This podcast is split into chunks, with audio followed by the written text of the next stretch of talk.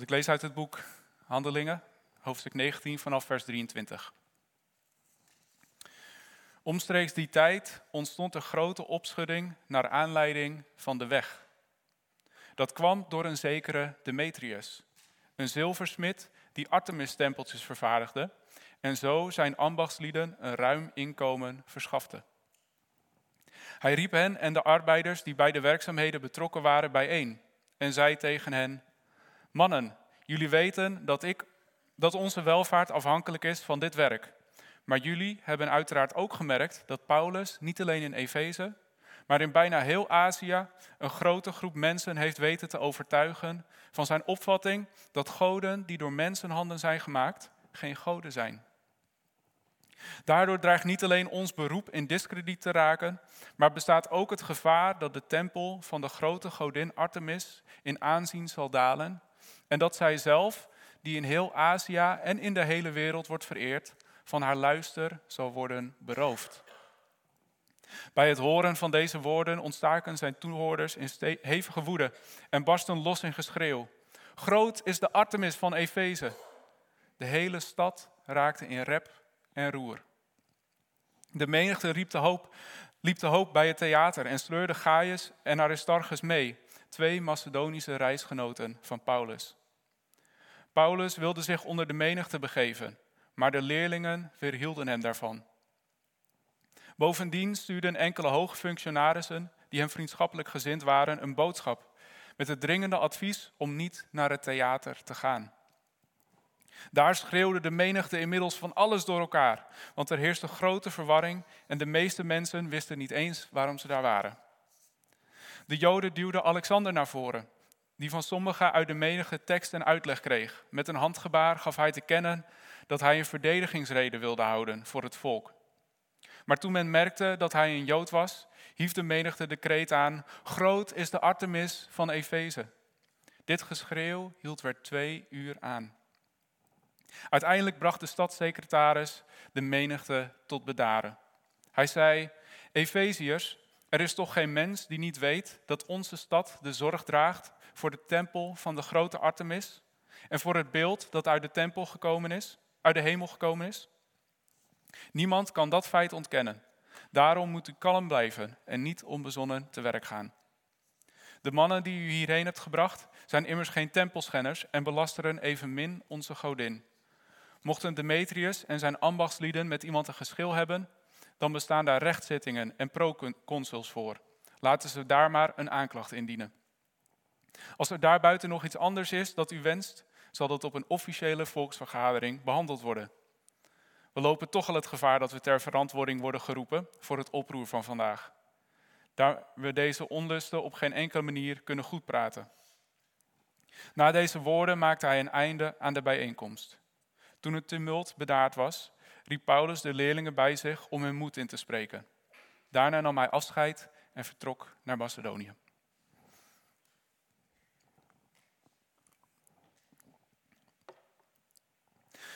Ja, wat we hier zien is best wel een, uh, een heftige gebeurtenis. En terwijl ik dit zat te lezen, dacht ik eigenlijk, die, die, ik zou heel erg boos worden op die stadhouder. Als ik daar zo'n demonstrant was en dan kon zo'n stadhouder zeggen, ja, ga maar naar een of andere rechter om dit uit te vechten. Nou, dan zou ik alleen nog maar nog boos worden. Maar goed, blijkbaar uh, is Paulus daar heel uit weggekomen. Ten tijde van deze gebeurtenissen heeft Paulus al flink wat uh, verkondigd in de Griekse steden in Azië en in Griekenland zelf. En als hij daar kwam, dan was een van de eerste dingen die hij deed dat hij naar de synagoge ging.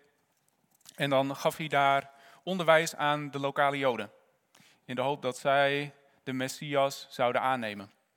Zij kenden al de oude geschriften en dat was dus een goede opstap om daarna het evangelie aan de niet-Joden te verkondigen. En als hij dat dan deed, dan ging Paulus vaak, uh, nadat hij naar de synagoge was geweest, dan ging hij vaak naar de marktplaats, naar de agora. En dat zien we bijvoorbeeld in Athene, hè? Daar, uh, daar gaat hij dan naartoe en daar, daar houdt hij dan een reden. En als we zo'n marktplaats voor ons zien, dan moeten we misschien niet denken aan een Nederlandse marktplaats, waar je allerlei kraampjes hebt, waar je naartoe komt en daar koop je snel wat aardappelen en wat vis en dan ga je weer naar huis. Nee, de Griekse marktplaats, dat was uh, een plaats waar niet alleen maar winkels waren, maar het was ook vooral een plek waar ideeën werden uitgewisseld. Dus Paulus die kwam daar en net als dat er heel veel andere filosofen waren, kwam Paulus daar. En in plaats van de heersende filosofieën predikt Paulus het evangelie van Jezus. En terwijl Paulus dat doet in al die verschillende Griekse steden, wint het evangelie aan invloed. Er zijn mensen die naar Paulus luisteren en die denken, ja, dat is wel iets waar ik bij wil horen. Het evangelie is iets wat ik wil volgen. Dit heeft langzaam effect op de cultuur in de omgeving. En de mensen in Efeze die merken dat. En in Efeze daar staat een grote tempel, de grote tempel van Artemis. Het is een van de, van de wereldwonderen. Het is, moet een imposant bouwwerk zijn geweest. Er kwamen veel mensen van buiten Efeze, kwamen naar de stad toe. Als een soort van religieuze toerist om daar naartoe te gaan en die tempel te bekijken en dat beeld te bekijken en een offer te brengen. Maar niet alleen dat. Ehm, er werden ook beeldjes gemaakt. En die beeldjes die, die werden verkocht als een klein souvenirje, zo zou je het kunnen zien. Konden ze mee naar huis nemen en konden ze ook daar aan Artemis denken. Het was echt een imposant bouwwerk. Het is alsof je aan Parijs denkt, dan denk je aan de Eiffeltoren. In de oudheid dacht je bij Efeze dus aan de Artemis-tempel. En de makers van die beeldjes, die voelen dat het heet wordt onder de voeten. Het wordt een heet onder de voeten. Want wat Paulus verkondigt is het evangelie. En het evangelie laat geen ruimte voor al die andere goden. Al die goden die niet de enige echte God zijn. En Paulus die verkondigt, dat aan mensen. En mensen die, die luisteren daarnaar en die doen dus hun afgoden weg. Hun andere goden weg. En die zilversmeden in Efeze die denken, wacht even. Als dit zo doorgaat, als straks al die mensen allemaal hun afgodenbeeldjes wegdoen, dan hebben wij straks geen werk meer.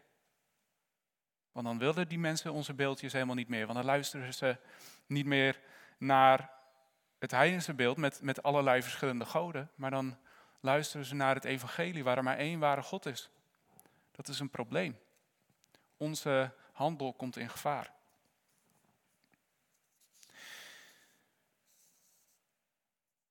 En Demetrius, de zilversmid, die ziet Paulus dus ook helemaal niet als een brenger van goed nieuws. Die Demetrius die ziet Paulus als een groot gevaar voor zijn handel. Het evangelie dat komt in Efeze in botsing met de heersende cultuur daar. En dat is iets waarvan wij misschien zouden zeggen, ja natuurlijk, dat is goed. Het is goed dat eindelijk die afgoden worden aangepakt. Want er komt alleen maar ellende van. En dat is het natuurlijk ook. Maar Demetrius en zijn werknemers, die zien hun inkomen verdwijnen. Die zien het al helemaal voor zich dat zij straks zonder werk zitten, zonder inkomen zitten, dat ze in allerlei problemen komen. En waarom? Vanwege de verkondiging van dat goede nieuws. Dus ik kan me voorstellen dat als ik zo'n Demetrius was geweest en die Paulus die heeft het elke keer over goed nieuws, dat ik daar wel een beetje cynisch van word. Want mijn werk wordt van mij afgenomen door die Paulus met zijn zogenaamd goede nieuws. En natuurlijk, natuurlijk is het uiteindelijk goed nieuws. Wij weten dat het het allemaal waard is, maar het is wel goed om daar even bij stil te staan. Dat het evangelie, als dat kwaad confronteert, dat het soms kan betekenen dat het voor sommige mensen die het horen, die het meemaken, dat het niet zo goed nieuws is. Het evangelie brengt soms mensen in moeilijkheden. Een paar jaar geleden toen was er een, uh, de grote vluchtelingencrisis hier. Er waren veel Syriërs en andere mensen uit Arabische landen die, die hier in Zaandam ook in, uh, in opvangkampen zaten. En ik heb in die tijd ook de Almasira cursus gevolgd. Of sorry, ik heb de cursus gevolgd om de Almasira cursus te geven. En de Almasira cursus, dat was eigenlijk een soort van een alfa cursus. Maar het was gericht op mensen met een islamitische achtergrond. Dus het was een heel mooi programma. Het was eigenlijk een introductie in het christelijk geloof voor mensen die uit de Arabische wereld kwamen. En dat deden ze heel leuk, want ze hadden allerlei filmpjes en daarmee legden ze heel goed uit wat nou het verschil was, hoe de, de islam naar hun profeten en naar God keek en hoe het christendom naar haar kijkt. Dus het was een ontzettend mooie cursus. En ik weet nog dat ik toen naar die training was geweest. En een van die dingen die is me ontzettend bijgebleven. En dat is het volgende. Op het moment dat je deze cursus gaat geven, moet je wel heel zeker weten dat je die persoon wel die boodschap wil brengen dat je die persoon wel die christelijke boodschap wil brengen. Want, zei de cursusleider, het komt helaas vaak voor dat wanneer iemand uit een islamitische achtergrond het evangelie hoort en tot geloof komt, dat, wat zou een wonder zijn, een, een, een fantastisch feest. Maar voor die persoon kan dat ontzettend lastig zijn. Het kan leiden tot verstoting uit zijn of haar familie. Dat iemand helemaal genegeerd wordt. Het kan ertoe leiden dat iemand niet meer welkom is in de gemeenschap of soms zelfs uh, vervelende berichten krijgt thuis, dreigende berichten. Dat is wat die cursusleider zei tegen mij. Toen moest ik toch wel even slikken. Want ik dacht, wacht even. Ik ga dus straks die cursus geven, of tenminste dat is het idee. En dan kan het dus zomaar zijn dat als God een wonder doet in iemands leven en iemand die aanvaardt Jezus als Heer, dat iemand daardoor in de problemen komt. Dat iemand daardoor uit zijn familie wordt verstoten. Dat iemand daardoor uit zijn gemeenschap wordt verstoten. En dat is eigenlijk op een iets ander niveau precies hetzelfde wat er in Efeze gebeurt. In Efeze gaat het dan vooral om economische motieven, hè, de, de meters die zijn werk kwijtraakt. Maar ook vandaag de dag is het evangelie soms iets dat ook mensen in problemen kan brengen. Op het moment dat ze het aannemen. Of misschien hebben mensen wel een ander onderdeel in hun, in hun leven waar ze heel veel waarde aan hechten. Of misschien wel iets waar ze geld aan verdienen. Waar ze hun levensonderhoud vandaan halen. En op het moment dat ze het evangelie aannemen, dan botst dat met elkaar dan matcht dat niet meer met elkaar. En als het evangelie dan van die persoon vraagt om datgene op te geven, of om voor Jezus te gaan, ook al brengt dat nog zoveel problemen met zich mee, dan is dat nogal wat. Dan is dat echt nogal wat. Dat moeten we niet licht nemen. En ik denk dat, dat zeker wij als, wij als christenen, wij, wij willen graag onze boodschap naar buiten brengen. We willen graag getuigen zijn van Jezus Christus. Het heeft hij natuurlijk ook heel lang op het podium gestaan, op een banner. En dat is, dat is wat we willen. En we brengen graag dan ook de, de positieve kanten van het evangelie. Als je het evangelie gaat volgen, dan is God bij je, dan zal hij je troosten. Dan bereik je je ware doel in je leven. Maar de eerlijkheid gebiedt ook te zeggen dat het evangelie soms in botsing komt met de omgeving van de persoon of iets wat de persoon zelf doet. En dat betekent dus dat wanneer wij het evangelie aan andere mensen vertellen, dat we er wel heel zeker van moeten zijn dat het het echt waard is om het te vertellen. Dat betekent dat we er wel heel zeker van moeten zijn dat wanneer we het evangelie verkondigen, dat het het waard is om daarvoor in de problemen te komen. Paulus die moest wel heel zeker weten dat toen hij predikte over de valse afgoden, en hij moest wel heel zeker weten dat hij dat ging doen. Want daardoor kwamen al die mensen in economische problemen. Demetrius die zijn werk kwijtraakt, al zijn werknemers zijn hun werk kwijt. Dus Paulus die moest wel heel sterk overtuigd zijn van zijn boodschap. Hij moest heel sterk van binnen een besef hebben dat de waarde van het evangelie zo groot is. Dat het zo groot is, dat het het waard is om in dit soort gevallen moeilijkheden te brengen. En als we dan misschien naar onszelf kijken en kijken naar onze omgeving, of we aan andere mensen het evangelie verkondigen, die er misschien een hele andere levensstijl op nahouden, waarvan we dan best wel wat vragen.